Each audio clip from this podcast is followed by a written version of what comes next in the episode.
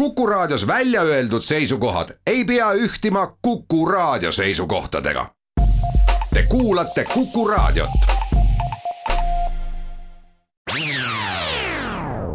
Restart. saadet toetab Katana, tootjate parim abiline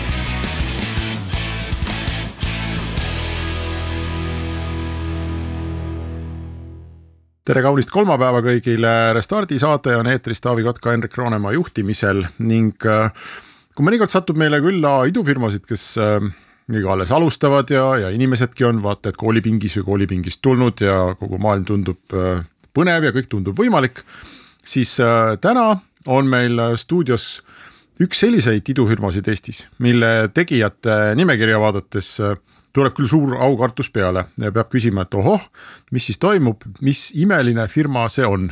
võime öelda, no lihtsalt, et ette lugeda nende kodulehelt äh, Eesti üks parimaid tippjuhte äh, ja endine Coopi juht on siis äh, tegevjuht ja Elisa endine juhtkonna liige on müügijuht, maksuameti endine asedirektor töötab seal ja, ja pikaaegsete kogemustega tuntud finantsjuht on meeskonnas nõuandjate hulgast leiab väga väärikaid e-riigi ülesehitamise juures olnud inimesi nagu Taavi Kotka ja Andres Kütt.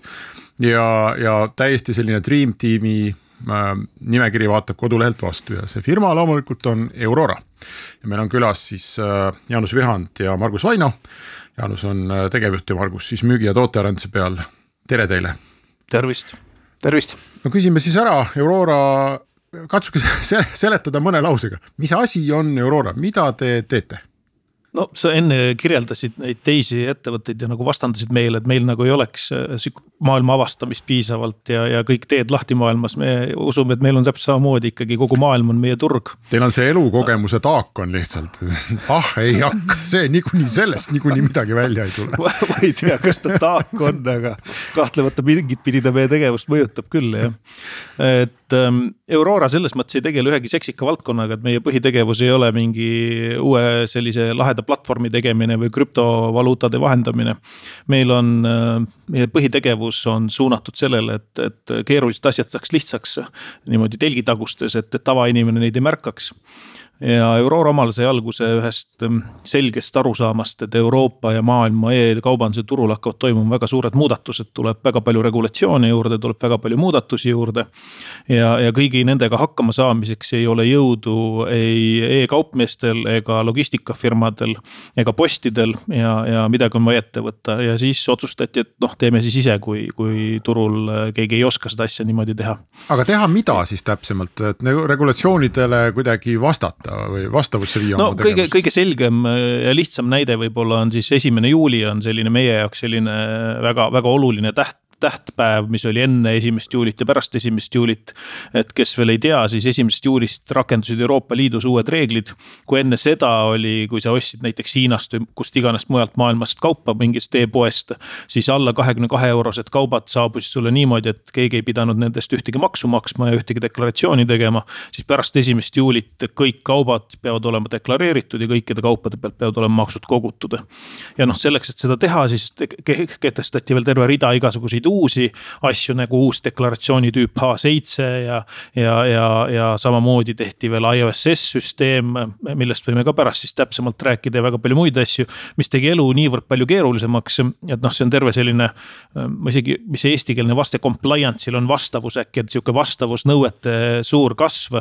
ja, ja kui võtta need mahud, mis e-kaubandusest liiguvad, siis noh, neid käsitsi teha, noh, see on, see on hullumeelne ja, ja kui nüüd veel detailidesse minna hiljem, mitte kohe, et, et mitte ära tappa kõigi detailidega, siis noh.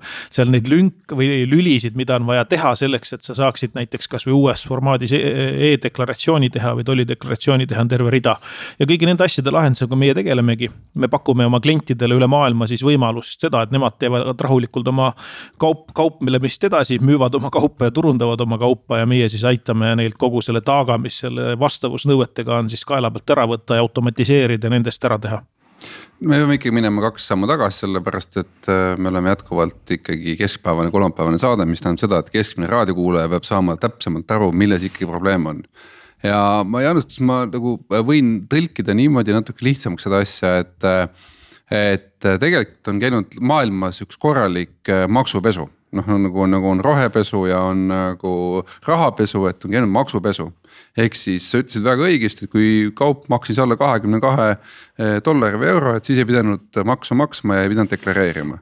mis tähendas seda, et järsku hakkasid igasugused mobiiltelefoni kõik vidinad, mis tegelikult maksavad sadu, kui mitte tuhandeid eurosid, maksma kõik alla kahekümne kahe euro, vähemalt deklaratsiooni järgi ja toodi põhimõtteliselt Hiinast siis kogu see e-poe kraam, mis sisse toodi, toodi sisse maksuvabalt. Ja nüüd Euroopa Liit vaatas, et oot-oot-oot-oot, palju meil siis raha nüüd saamata jääb, et kui me ikka päriselt kõiki võtaksime selle maksu üles korjaksime, siis tuli välja, et et ma ei tea, Prantsusmaa või, või, või, või, või Saksamaa sugune riik võiks aastas teenida miljardeid eurosid juurde, on mul õigus? Jah, Euroopa Liit kokku erinevate hinnangute järgi võiks olla, noh, neid vahemikke on erinevaid, aga on vahemikud viis kuni viisteist miljardit kogu Euroopa Liidu peale, ma ise pakun, et see viisteist miljardit on pigem õige.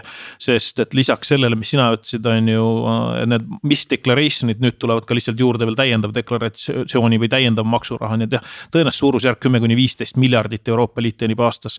aga see pole ainus, Taavi, Taavi rääkis väga õieti, aga tegelikult üks asi on veel, et see andis ka konkurentsieelise mitte EU e-kaupmeestele. ja nüüd selle läbi siis ka ka natuke tahetakse siis nii-öelda võrdsustada seda mängu, et ka EU e kaupmeestel oleks siis äh, võrdsemad tingimused siis. no ühesõnaga, kui sa EU-s midagi toodad, siis pead maksud maksma, kui sa saadad EU-sse kaupa. ja kui toodad Hiinast, tood sisse, siis ei pea makse maksma. ei, see kõik on arusaadav, aga, aga. see ei ole, selles mõttes on nagu äh, Hendrik, see ei saa, mis mõttes arusaadav, see ongi kogu rebu tohutu probleem. ei, ma saan aru. mina, mina ütleks aru. seda, et äh, mina ütleks seda, et see on tohutu probleem ja rebu on EU-le muidugi me, meie seda nii traagiliselt ei näe, meie näeme seda võimalusena. et selles mõttes, et kui et EU tahab raha teenida ja tahab seada võrdsemaid tingimusi oma kaupmeestele, siis meie jaoks oli see võimalus, sest et tõepoolest maailmas äh, neid asju sellises mahus pole tehtud ja noh, lihtsalt tuua väike näide, et kui enne neid muudatusi see aastane deklaratsioonide maht nende e-kauba, kaupade pealt oli circa noh, kuni kaks miljardit suurusjärgus suurusjärgus aastas EU tollidesse. siis nüüd kõikide uute deklaratsioonidega kaubanduse kasvuga, see kasvab seal kuskil seitsme-kaheksa miljardini aastas deklaratsioonid, esitatavad deklaratsioonide maht. nii et noh, mahu kasvud on hästi suured. ma lihtsalt ei saanud aru sellest, arusaadav on see, millest äh, Jaanus räägib, ma ei saa praegu aru sellest, et keda äh, siis Aurora nüüd selles lülis aitab ja kuidas, et kes see klient seal on jah, meie klient on siis e-kaupmees ja logistikafirma, kes tahab seda kaupa EU-sse sisse saada. ega ma olen Hiinas kliendid..., toodan võtmehoidjaid ja nüüd mul on probleem, võtmehoidjad on üle kahekümne kahe euro. Noh, kui sa toodad neid, siis, siis me sinuga väga kokku ei puutu, kui sa neid müüd Aha. üle oma e-kauba, kaupluse Euroopa klientidele, siis, siis tõsi küll, siis oleme meie seal abiks. ehk et äh, meie kliendid, peamised kliendid on äh, kõik mitte EU ettevõtted, need, kes tegelevad siis kas, äh, kes siis on e-kaupmehed, müüvad siis üle e-kanalite kaupa EU suunal või siis logistikafirmad või postid, kes seda kaupa siis kohale transpordivad ja kuidas te neid aitate, mis te teete, siis te aitate neil seda paberimajandust kuidagi ette ära täita, automatiseerida või lihtsalt standardiseerida. okei okay,, nüüd, nüüd sa tahad siis nendesse detailidesse minna? ma ei tea, kas me lähme. oota, aga enne kui me läheme, siis ma räägin ühe loo ära. nii, räägi. võib või? ma räägin ühe akuutse loo, just äh, paar nädalat tagasi tegelesin DHL-iga. noh, tundub suhteliselt loogi-, loogiline, üks maailma suuremaid, kui mitte suurim logistikaettevõte, eks nii, oli vaja saada, saata kolm unicorn'i pusa Armeeniasse. ma käisin seal külas neil mõne kuu aega tagasi seal intervjueerisin äh, sihukest haridusega seotud inimesi, sain targemaks ja tänutäheks mõtlesin, et noh, saadan neile siis kolm pusa, et äh, mis sa ikka siit Eestist saadad, on ju. Äh, selleks, et seda saata, noh väga lihtne, lähed DHL-i koduleheküljele, ütled, tahan kolm pusa saata Armeeniasse. kenasti võtavad sult raha ära kohe on ju, ütlevad, näed, nii palju maksab, on ju ja makske ära ja noh, maksad ära, tuleb äh, mees järgi, võtab su käest pusa, paneb ilusti kasti, noh vaatad, et jesus christ, kui mugav ja mõnus teenus on ju. ja siis kuskil nädala pärast igaks juhuks tšekid, tunned huvi, et noh, et kus siis nagu pusad on. selgub, et pusad on jätkuvalt Tallinnas. teed DHL-ile järelpärimise, et aga miks nad siin Tallinnas on, miks nad pole juba teel. oi, teil on kauba mingi pro forma, mis iganes arve on tegemata, et olge head, täitke ära kusjuures nad ei saatnud seda mitte mulle, et täitke ära, raha on juba läinud muide, raha ma olen ära maksnud. vaid et nüüd oi, ole hea, et hakka nüüd noh, ma ise poleks uurima läinud, polekski võib-olla kohale jõudnud, on ju. et ja seal on üks nüanss, sa pead panema kaubakoodi. et mis kaubakood sul on, et no mis asja pusad, kus mina tean, mis kaubakood see on, on ju. et kuhu kohta täpselt kuulub, on ju, nii palju maksab no mis asja, tasuta on ju, et noh, et, et mis maksab, et kes nüüd maksu maksab. ühesõnaga, ma ütlen ausalt, see kokkuvõttes lõppes sellega, üks kahenädalane õudus et äh, nende paberite täitmine ja okei okay,, ma saan aru, et ma ei ole selle valdkonna inimene ja ma igapäevaselt seda tööd ei tee, eks. aga nüüd, kui sul Euroopa Liit, kui sa teistpidi oled ja pead hakkama Euroopa Liitu saatma asja ja Euroopa Liit viskab sulle ette deklaratsiooni, kus on nelikümmend viis erinevat äh, lahtrit, mis on vaja just õigesti paika ajada ja kui ei aja, siis kaup ei tule kohale või saad niisuguse maksukaela, et sa oled konkurentsist väljas siis on ikkagi, keegi ütleb sulle, et kuule, et aga noh, ma ei tea, kolm viiskümmend ja ma lahendan sinu eest selle probleemi ära, on ju. siis sa hea meelega maksad selle kolm viiskümmend okei okay,, ma, ma, ma, räägin, ma räägin meie teenuse lahti siis natukene, et äh, see keerukus ja see, mis esimesest juulist juhtus, seda ma natuke seletasin ja Taavi aitas kaasa siin selle seletamisel. aga nüüd, nagu ma enne nimetasin, kus me jäime natuke pooleli, oli see deklaratsioonide mahu suur kasv ehk et see deklaratsioonide arv kasvab hästi äh,, hästi paljuski. ja selleks on vaja siis sul hakata äh, seda kaupa siis ähm, äh, esiteks e-deklareerima ja see paberil deklaratsioon enam nagu ei toimigi. ja teiseks, mis juhtub, on see, et kuna see deklaratsioonide maht kasvab nii suuresti, siis on vaja luua mingi roheline koridor, et kõiki kaupasid ei kontrollitaks. ja nüüd selle rohelise koridori mõte või selle rohelise koridori jaoks tehti selline süsteem nagu IOSS ehk IOSS, import one stop shop. ja selle mõte on siis selles, et kui kaupmees saadab oma kauba teele või siis tema logistikapartner, siis pannakse tollideklaratsioonile peale selle kaupmehe IOSS-i, IOSS-i või JOS-i number. see numbri järgi Euroopa toll saab aru, et selle kauba pealt on maksud arvestatud ja laseb kauba läbi. ehk et kui ta just ei taha seda mis iganes põhjusel kontrollida füüsiliselt, aga ütleme, ta teab, et maksud on kogutud ja laseb kauba läbi.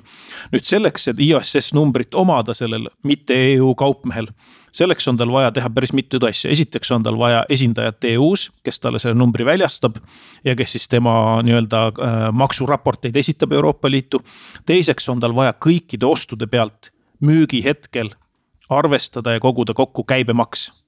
ja käibemaks vastavalt Euroopa selle kodaniku, kes siis tellis selle sihtriigi nõuetele ja neid käibemaksumäärasid on hästi-hästi palju.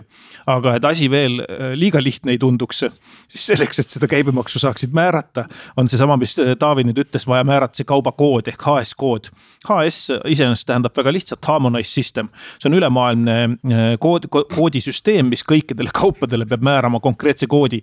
selle konkreetse koodi alusel alles saad sa määrata selle maksumäära ja seesama konkreetne kaubakood peab olema sul ka sellesama e-deklaratsiooni peal. ja nüüd siis selleks ehk et selleks, et üldse midagi teha, pead sa HS-koodid määrama ja see on nüüd üks selline, äh, selline, ma, ma, ma olen seda erinevat moodi proovinud sõnastada, et see on nagu selline süda inimese kehas, et noh, et, et nina paistab välja ja kõrvad paistavad välja, silmad paistavad välja. süda ei paista välja, aga on sihuke väga oluline asi, ilma milleta on raske töötada ja HS-kood nüüd selles maailmas on seesama süda või ilma milleta on nagu väga raske üldse midagi teha. ja siis, kui süda pumpab verd organismi, siis HS-koodid pumpavad kogu seda muud nii-öelda juice'i kogu sellesse süsteemi ehk et kõigepealt sul on vaja määrata HS-kood, HS-koodi alusel saad sa määrata siis maksumäärad, HS-koodi alusel saad sa veenduda, et need kaubad ei kuulu mingite piirangute alla, sest ka piirangute listid on hästi pikad ja eri riikides erinevad. ja selle HS-koodi pead sa lisama ka sellele e-deklaratsioonile nii et, ähm, nii et HS-kood on see teenus, mida me pakume, äh, maksuarvestus on see teenus, mida me pakume. Äh, seesama piirangute kontroll, me nimetame ise seda PARIS-iks ehk prohibited and restricted item screening on see teenus, mida me pakume nendele. Samamoodi peavad kaupmehed veenduma, nad ei saada valet kaupa valele inimesele, ehk et nad ei saadaks näiteks mingisugust väetist kuskile äh, mošee lähedal elavale habemikule mullale igaks juhuks, kui ta on mingites piirangute nimekirjas või, või ei saadaks seda kaupa Põhja-Koreasse või, või mingi või Iraani või mingid sellised piirangud, ka neid on maailmas väga palju, sadu ja tuhandeid liste, mida tuleb jälgida. ja siis sa pead need kaubad ära saatma ja sa pead siis need e-deklareerima nendes Euroopa Liidu tollides. nii et, et kogu see pakett on siis see, mida me teeme. ja lisaks äh, on selle paketi üks osa ka veel see, nagu ma enne mainisin, et kui need maksud on kokku kogutud, siis tuleb need maksud raporteerida, nii me aitame neid makse ka raporteerida Euroopa Liidu riikides nendel e-kaupmeestel. nii et, äh, nii et niimoodi väga lühidalt kokkuvõttes on see siis see teenuste pakett, mida me, mida me teeme ja lihtsustatult öeldes. et, et ei tunduks, et ma kuidagi väga keeruliseks asja ajasin, see on lihtsustatud vaade asja. see oli siis lihtsustatud vaade, võttis aega kolmteist ja pool minutit, aga väga hea, läheme siit pausile ja siis äh, tuleme tagasi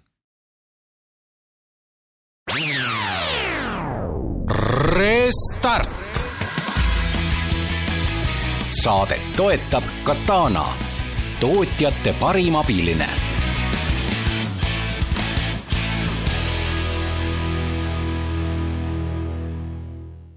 Restart jätkub ja Aurora on meil äh, külas, mis äh, teeb tervet hulka keerulisi asju firmadele, kellele need on nii keerulised, et nad ise üldse ei taha nendele mõeldagi. Ja Jaanus Vihand ning Margus Vaino sealt on, on meie tänased külalised enne kui me lähme sellesama müügi juurde ja kuidas sa ikka jõuad selliste äh, platvormideni ja nende omanikeni ja logistikaettevõteteni, et. ma korra küsin, et Jaanus, sa mainisid seda esimest juulit, eks sa vist meelega või, või me ei maininud aastat, et, et noh, et, et seesama Euroopa Liidu regulatsioonidega kipub olema niimoodi, et nad peavad, alguses pidid jõustuma kaks tuhat üheksateist, siis pidi kaks tuhat kakskümmend, siis kaks tuhat kakskümmend üks ja siis on küsimus, et kas kaks tuhat kakskümmend kaks, et. kas praegu nüüd Euroopa Liit selles mõttes on kindlaks jäänud, et see esimene juuli kaks tuhat kakskümmend üks peab, et nüüd on ikkagi uued reeglid paigas? Noh, nii ja naa, selles mõttes kaks tuhat kakskümmend üks, esimene juuli on äh, möödas, peaks nagu reeglid paigas olema.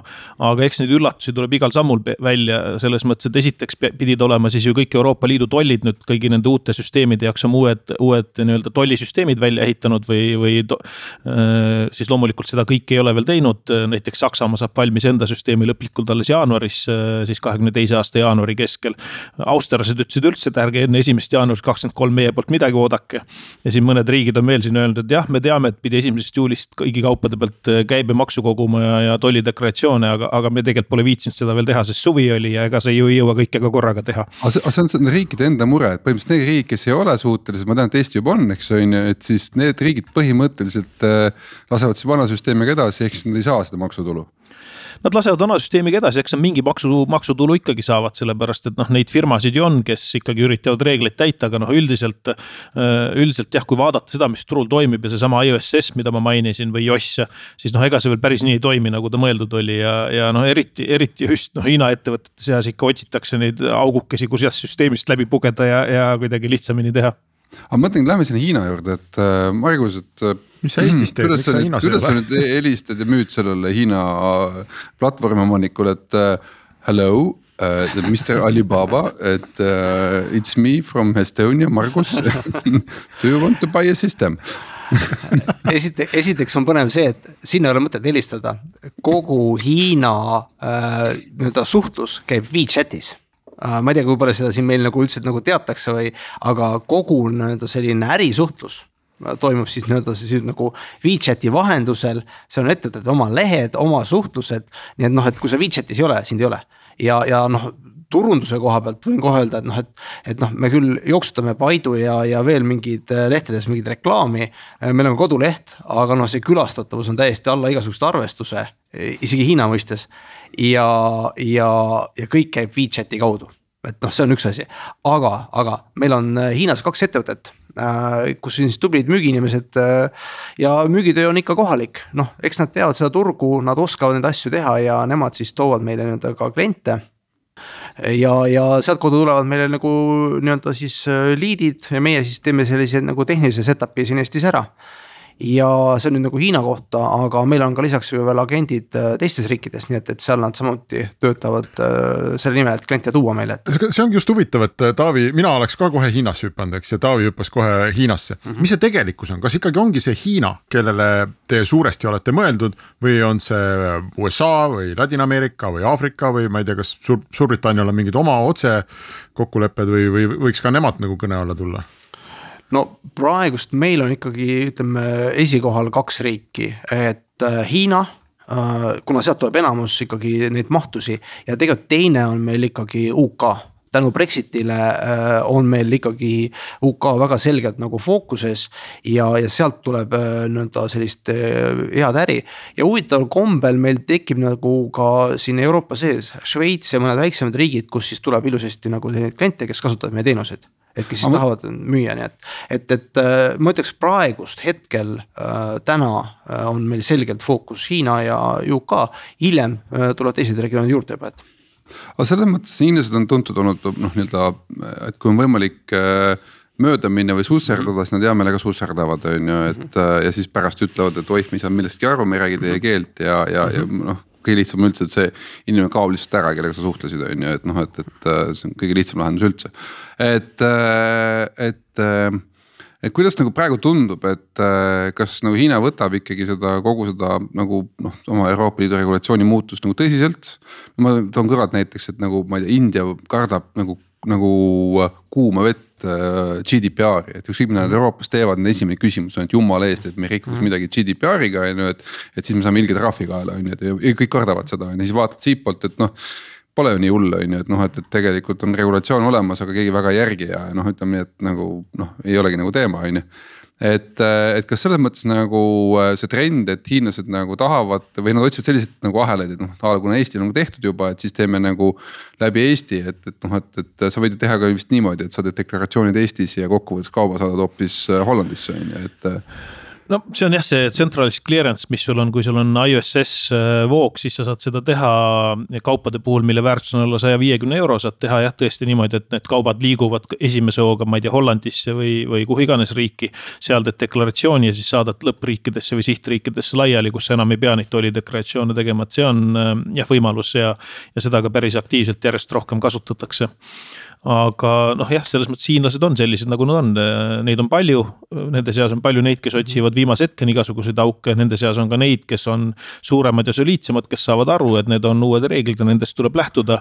ja siis on terve rida neid vahepealseid, kes siis nagu seal pendeldavad nagu selle vahepeal ja, ja, ja proovivad nii ja naapidi Lähme korra sinna tehnoloogia poole ka, et noh, see ei ole nii lihtne ülesanne, et noh, aitame siin deklaratsiooni täita ja nii edasi, nagu sa Jaanus ütlesid, et. ma ei tea, kui paljud inimesed on enda ettevõtet proovinud teha ja proovinud määratleda oma ettevõttele MTAG koodi. ehk siis noh, põhimõtteliselt kood, mis ütleb, et mis äris sa tegutsed, on ju, ja siis sa nagu istud selle õnnetu tabeli ees ja siis mõtled, et noh, et kas ma nüüd olen neli, null, kaheksa, null, kaks või ma olen neli, kaheksa, kuus, seitse, kolm on ju, et. natuke seda ja natuke teist, et kumba ma siis võtma pean, valida saab ainult ühe, on ju et, äh, et siin on ju sama lugu, et noh, maailmas on neid tooteid seinast seina nagu noh, oletame sama Hendriku näide, et teen võtmehoidjad, aga see võtmehoidja on ühtlasi ka taskulamp. Noh, kumba ta siis on, nüüd noh, on ta siis taskulamp või on ta võtmehoidja on ju ja nüüd hakkame vaatama on ju, et näed, et kui võtmehoidjana toon, siis on üks hind ja kui taskulambina toon hoopis teine hind on ju, et noh, et et, äh, et seda, seda ei saagi seda maailma kuidagi noh, ütleme noh, kui mulle tundub, et kui hakkad käsitsi niisuguseid määramisi tegema, et see on üks lõputu jada, et siin oleks vaja nagu mingit robotit taha nagu, et või mingit sellist äh, tehisaju, mis aitab mul otsustada üldse, et noh, et, et kumbasse või kuhu ma üldse kuuluda võin. Ja arvestades veel seda, et võib juhtuda ka see, et et noh, ta on ka maksustatud erinevates riikides erineval moel on ju, et ma pean suutma välja kuvada, et näed, juhul kui sa selle võtmehoidja saadad nüüd Hollandisse, siis on sihuke hind ja. juhul kui saadad Hispaaniasse on tollane hind on ju, et äh, mis mootor teil siin taga on selle koha pealt? No meil üks sihuke tagasihoidlik tehisaju ongi selle jaoks olemas, mis suudab sul sekundis viis tuhat HS koodi määrata, seda täpsusega kuni üheksakümmend kuus protsenti. et seda me oleme siin mitu aastat arendanud koostöös ülikoolide ja, ja, ja masinõppe spetsialistidega. miks, miks mitte sada protsenti? sellepärast, et ähm, erinevatel põhjustel, põhipõhjus on kirjelduste kvaliteet, seepärast et kuna seni keegi ei pidanud kunagi mõtlema nende HS koodide peale enamuse kaupade juures, siis noh, kirjelduse kvaliteet teinekord on niimoodi, näiteks mul just täna öeldi, et, et eile tuli meil ühelt kliendilt, kes on juhtumisi suurim postioperaator äh, APAC-i regioonis on ju, tuli üks tootekirjeldus, mille nimi oli embrüo kasu seda siis jah klassifitseerida ja, ja, ja, ja ei ole ka üldse haruldased sellised tootekirjeldused, kus on lihtsalt kolm X-i või, või mingi sihuke suvaline numbrijada või, või teinekord isegi lihtsalt ainult punkte ja, ja noh, ühesõnaga noh, neid lugusid võiks siin tundide kaupa rääkida nendest tootekirjeldustest, mis tegelikult on, nii et see on, see on esimene põhjus tegelikult see tootekirjelduste kvaliteet. ja noh, meie masin just selleks, et pakkuda väga suurt kiirust ja, ja ka nüüd sedasama e-poe ostukorvi tasemel see võimalikult kiiresti ja, ja, ja märkamatult ära teha, see arvestus arvestab just tootekirjeldusega ja tootekirjelduse pealt määrab selle HS koodi ühesõnaga, kui ma olen tootja, Hiina tootja näiteks, olen ära kirjeldanud oma toote, et ma teen huudisid, kasutan puuvilla ja, ja see on riideese, on ju. siis nende märksõnade pealt teie ütlete, et hash kood on üks, null, kuus, kaheksa, kolm. no natuke teine, kui sa ütlesid, aga põhimõtteliselt küll jah, nende märksõnade pealt me ütleme õige koodi ja. olgu, meil on aeg teha paus ja siis lähme edasi. Restart saadet toetab Katana, tootjate parim abiline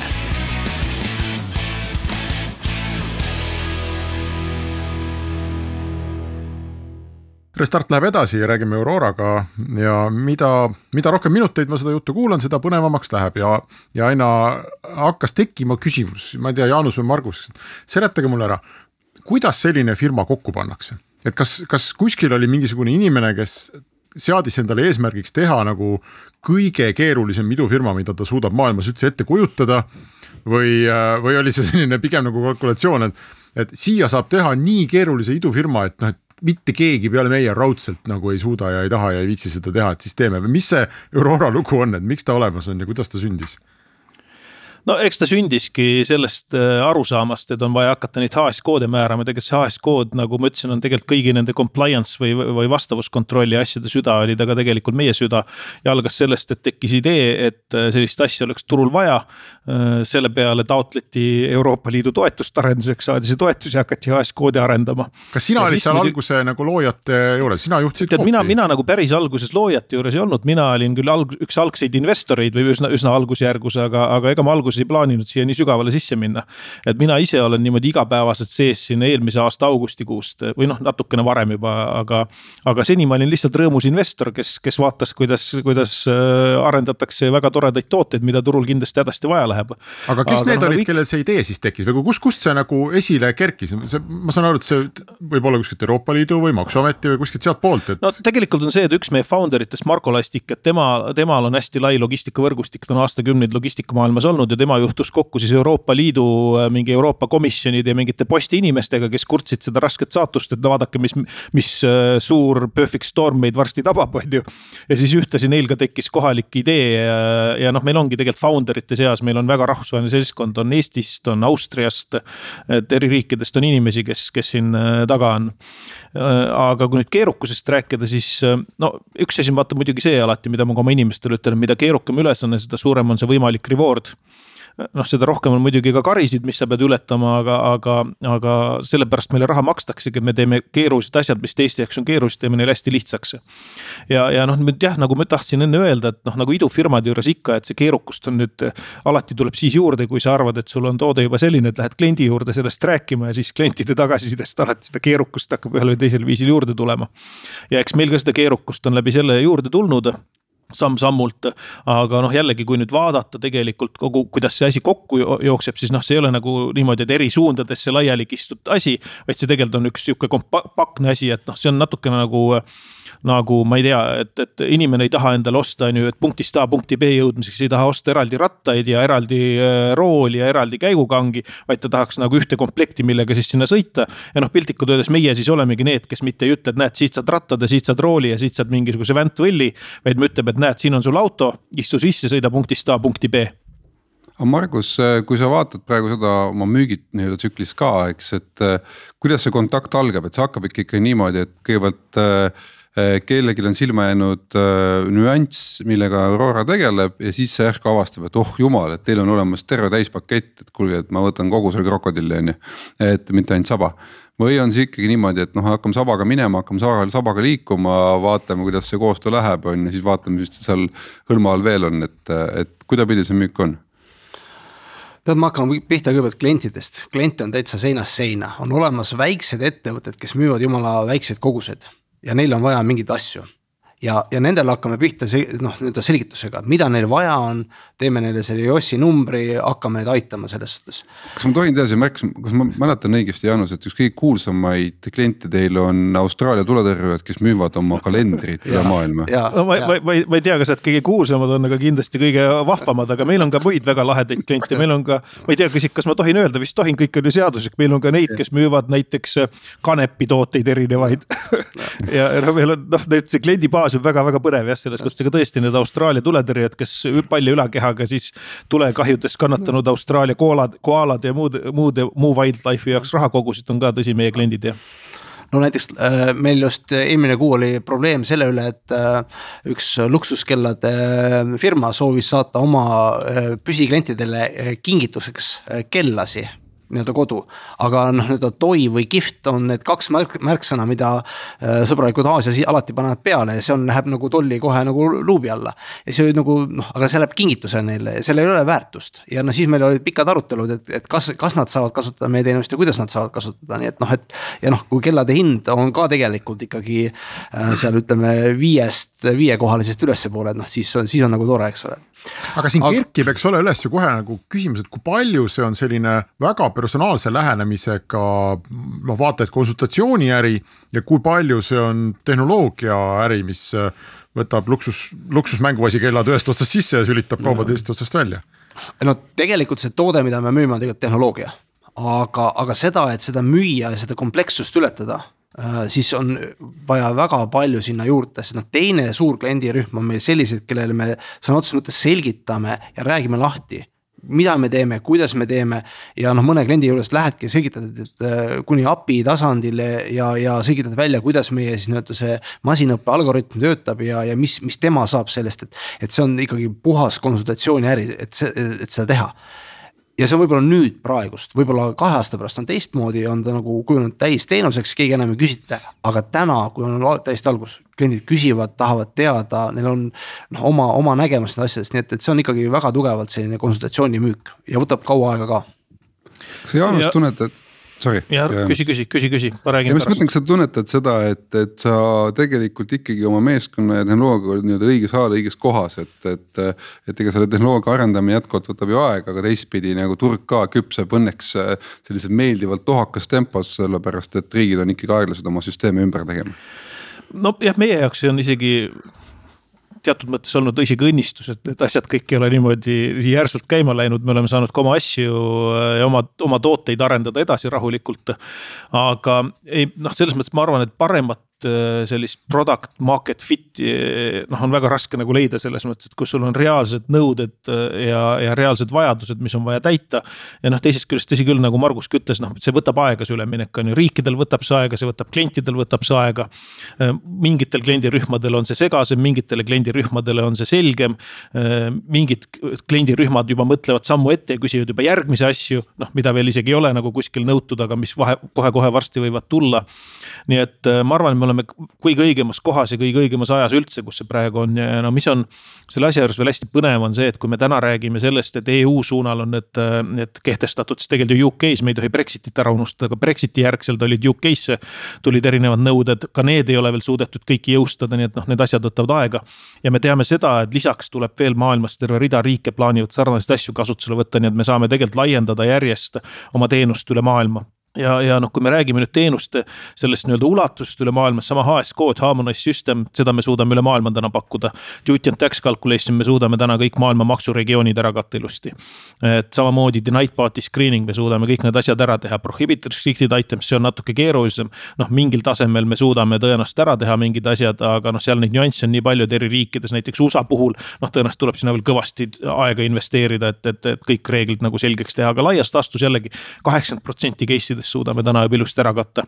kui me räägime deklaratsioonidest, tollideklaratsioonidest, siis äh, just e-kaubandusega seotud deklaratsioonid, veel kord rõhutan, et me ei tegele mingite laevade või muude selliste asjadega, siis H7 kaupadel alla saja viiekümne euro suudame kõikide Euroopa tollidega ära liidestada, automaatseks teha, täisautomaatseks, nii et mingit käsitööd pole vaja ühtegi pidi sul juurde panna. H1-ga tegelikult samamoodi, nii et, äh, nii et see on ikkagi jah, nagu Margus rõhutas, see on ikkagi puhas tehnoloogia. aga, aga noh, see müügi otsas, kuna see on nii uus asi, nii värske asi, sul on vaja lihtsalt seda selgitustööd teha ja, ja. ja tegelikult ka paljud asjad ei ole veel Euroopa Liidus endas selged, ka paljusid asju alles nagu täpsustatakse ja selgitatakse ja mingeid asju ka veel muudetakse, nii et noh, see on ka sihuke loomulik osa selle asja asja juures. olgu, me teeme pausi ja siis äh, jätkame saatega. Restart. saadet toetab Katana, tootjate parim abiline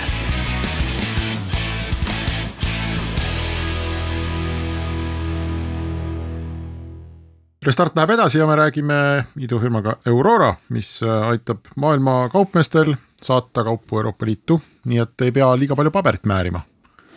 no mitte ainult, üldse igale poole maailmas. üldse igale poole, Armeeniasse pusasid jah aga ma tuleks selle küsimuse juurde tagasi, et noh, et ütleme, kaubandus, kauplemine, noh, see on ju kogu maailma majanduse üks mootoreid olnud äh, aegade algusest saadik, eks ja, ja inimesed suhtuvad sellesse kogu aeg, et noh, see on mingi asi, mis on nii-öelda olemas ja see on alati optimeeritud, et noh, a la mm, tahan saada nagu äh, selle kauba siit äh, Eestist Hiinasse või vastupidi, et noh, et ulatan üle ja küll siis nagu kõik juba toimub, on ju, nüüd tuleb välja, et, et ei olegi üldse nii lihtne, et on äh, ikkagi üli, ülikeeruline.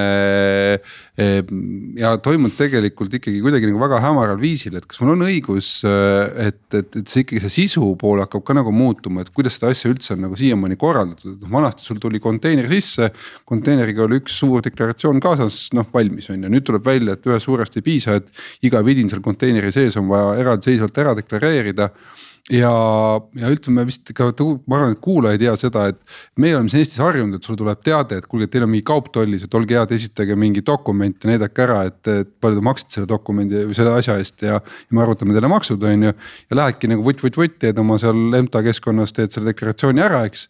või, või motiveerid siin Omnivat seda tegema aga enamus maailma töötab läbi mingite maaklerite või mingite noh, umbes nagu börsimaaklerid on ja nüüd järsku keegi ütleb, et kuulge ei, et äh, sa ei saa seda enam niimoodi mugavalt, et sa pead ikka ise hakkama nüüd tegema mingit, mingit iseteenindust ja, ja muid asju siin on ju. et see tegelikult pöörab kogu selle tööstuse ikkagi täiesti pea peale, mis on noh ütleme jällegi, et noh, mis ongi nagu täpselt nagu Jaanus ütles, see süda, et sa nagu ei näe seda, et noh, vormiliselt nagu kõik nagu toimiks, aga tegelikult seespool toimub organite vahetus on ju. et äh, Margus, oskad sa seda kuidagi kommenteerida, oma nägemust sellest asjast? Tead, siin on nii, nii mitu tahku sees, et noh, üks oli kindlasti see, et äh, mõtleme selle peale, et, et siin üks laev keeras ennast kanalis risti natukene ja, ja peale seda tekkisid nagu päris suured nagu probleemid ja, ja siiamaani, et noh, enam ei räägita enam liblika löögist Brasiilia vihmametsas, vaid et äh, laev kanalis risti ja kõik muutub. et aga jah, ei selles suhtes on see ongi, et, et noh, kaubandus ongi see nagu vereringlus, mis siis paneb need asjad käima.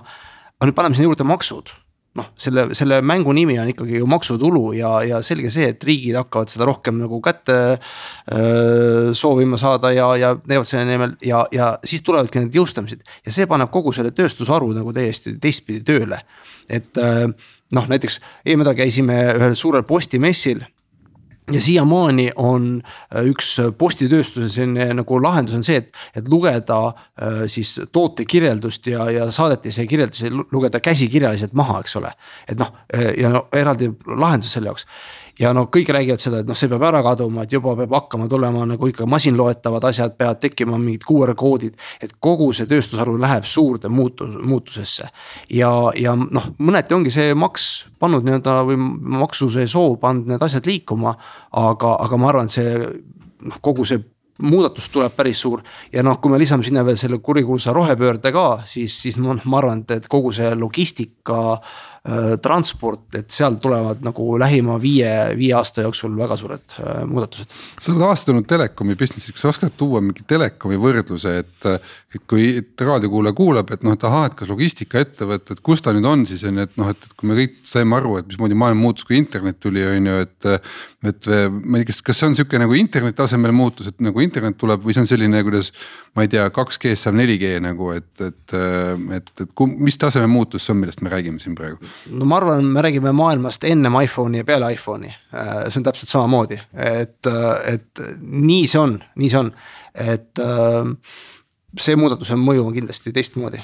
Ja, ja üldiselt logistika, logistika mõttes ka veel juurde sinna lisada. räägime sellest Aurora nagu ambitsiooni tasemest, et, et mis see, mis see nagu mõte on, et, et kas see on noh, kas, kas sellest võiks saada ma ei tea, järgmine Wise või järgmine Pipedrive või kuhu see nagu võimalik, äh, Jaanus, sinu arvates tüürida on? Jaanus ei tee väikseid asju no ma arvan, kui ma kogu seda nimekirja vaatan, et siis on nagu vähe usutav, eks, et, et no, meil. me, me ise oleme võtnud, äh, noh, eestlased on ju väike rahvas ja tagasihoidlikud, me oleme võtnud endale tagasihoidliku sihi, sihi ehitada kümme miljardit väärt ettevõte no see on ikkagi.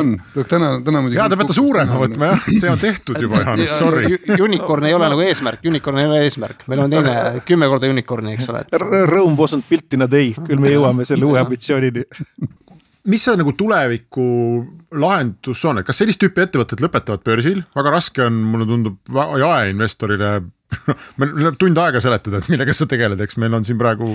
ei, ei tegelikult ei ole, sellepärast et noh, ma võin öelda seda, et mul on siin praegu viimased poolteist kuud pea iga päev olnud äh, vestlused erinevate VC-dega üle maailma, kes ise meid on üles otsinud ja, ja hirmsasti tunnevad meie vastu huvi. ja, ja noh, kõigil on üsna selge tegelikult see, mida me teeme ja, ja kuulavad huviga, saavad aru ambitsioonist. keegi ei kergita kulmugi selle peale, kui ma ütlen, et noh, kümme miljardit väärt ettevõte oleks eesmärk selle asja juures. noh, maailma, noh, see turg on niivõrd suur ja need võimalused on niivõrd suured ja, ja me praegu tegelikult jällegi, et, et raadiokuulajaid säästa kõikidest asjadest, mis me teeme, veel ei rääkinud, et meil on siin veel veel nii-öelda salves laskemoona erinevate teenuste näol, mida me teha tahame. sest noh, üks asi, mida Taavi tegelikult vihjamisi puudutas, et noh, meie siin Eestis oleme niimoodi harjunud, aga vaata, kuidas mujal maailmas, noh, see on tegelikult väga tõsine lugu. et noh, me siin Eestis võime kiruda oma ametnikke ja oma maksuametit ja mida iganes, aga tegelikult me oleme ikkagi ääretult eesrindlikud võrreldes kasvõi muu Euroopa Liidu paljude riikidega. ja, ja seda, mida, kuidas, kuidas muudes riikides mingid asjad on lahendatud, siis noh, seal on ikkagi väga suur arenguhüpe võimalik teha meie tehnoloogia pealt.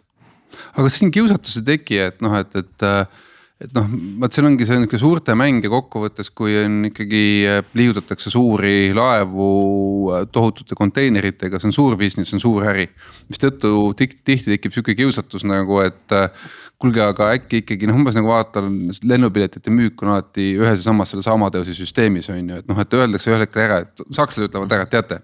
sõbrad, me nüüd saime korda, nüüd on meil Amadeus kolm null siin on ju ja tšau et me, meid muu ei huvita ja seal need pisikesed eestlased on küll väga efektiivsed, teevad ägedat asja, aga noh. ütleme nii, et me otsustasime ära, et see on meie asi ja, ja SAP tegi selle ja SAP on, saab kõik endale noh ja, ja selles mõttes SAP võib ju seda Saksa riigi ja Saksa tolli jaoks teha, ega meie ju ei oma süsteemi tollile ei pakugi, meie liidestame oma enda tehnoloogia, liidestame tolli külge. ja, ja kasutame siis neid otsi, mis nemad meile kätte annavad, ega meie tollile otseselt midagi ei pakugi, toll ei ole meie kliendiks. Ja aga mõte, küsimuse mõte on tegelikult isegi see, et kas sealt ei teki kiusatust, et kui ühel hetkel sulle, ma ei tea, FedEx või DHL koputab uksele, ütleb, et kuule kutid, et me näeme, et noh, teil on megasuutlikkus ja meil läheb nagu mm. nagu mitu aastat, kaua, et jõuda nagu, nagu sellise tasemeni, et, et äh,. Davai, kümmet ei maksa, aga noh, kuus miljardit on ju, et noh, et, et kas siis ei ole seda kiusatust, et aga äkki läheks noh, nii-öelda paneks, võtaks nagu selle väikse põrsa sealt kotti ära, et ei jah, suurt siga. väikse kuuemiljardilise põrsa. väikse kuuemiljardilise. väiksem, eks ole. ei no aga kui on kümme võimalik, miks siis kuue eest, eks ole, sest noh, tegelikult see turg on ikkagi nii fragmenteerunud ju, et no ma, ma ei tea, Taavi, vaata, sa küsid selliseid küsimusi, mida nagu äh, niimoodi õlleklaasi taga on jube lahe arutada, on ju, aga noh, päriselus, kui need sellised asjad tulevad. no loomulikult tekib kiusatus, loomulikult sa pead väga tõsiselt kõiki neid asju kaaluma. noh, vaevalt, et kui keegi pakuks sulle kasvõi miljardit täna või meile seda, et me siis nagu tõsiselt maha ei istuks ja ei mõtleks, on ju selle pealt äh,. nii et, nii ma ei oska sulle öelda, aus vastus on see, et me liigume edasi, me teeme oma asja, noh, meil on nägemus, kuhu on võimalik jõuda sellega. Need asjad, mis tee peal ette tulevad, eks me peame neid ükshaaval kõiki lihtsalt ära lahendama selles hetkes, kus nad tekkinud on? Ei, selles mõttes mu küsimus on, on no, nagu põhimõtteliselt on see nii-öelda Insta, Instagrami case on ju, kus nad müüsid ära oma ettevõtte paar nädalat peale algust puhtalt sellepärast, et. ja noh, kui oli ka miljardi eest on ju ja naersid, et oh, oleks siin kaks küsida, on ju. Mhm. et äh, aga, aga noh, põhjus oligi, et noh, tegelikult oli mehed olid ise ka hirmul, et müüsid sellepärast, et nad olid noh silmalt nagu nägid, nägid, et nad ei suuda seda asja nagu võib-olla koos hoida äh,. kui nad peaksid ise nullist nagu selle ära viima on ju lõpuni on ju, ja see on väga paljude Eestile startup idele ka tihti nii-öelda, ma ei ütle, et saatuslikuks saanud, aga ütleme, need on nagu lasknud üle selle õige hetke, mis hetkel nagu nii-öelda tuli see, see lagi ette, et, et ise ei saa nagu lõpuni viidud, et sellest see no küsimus nagu tingut-, tingitud. aga mul on hea meel, et, et noh, ikkagi tagasihoidlikud eestlased mõtlevad vähemalt kümne miljardi pealegi no,. tehke ettepanek ära või leidke see inimene, kes teeb ettepaneku, küll me hakkama saame, positiivne probleem. noh, meil on palju kuulajaid ja muudkui järjest lisandub, nii et äh, mine tea, äkki keegi tõmbab vähemalt kuus, aga võib-olla kümme miljardit siis taskust välja ja teeb ettepaneku aga meie saade sellega on läbi, aitäh, Jaanus ja Margus ja aitäh äh, kõigile kuulajatele ning äh, kohtume nädala aja pärast. Restart. saadet toetab Katana, tootjate parim abiline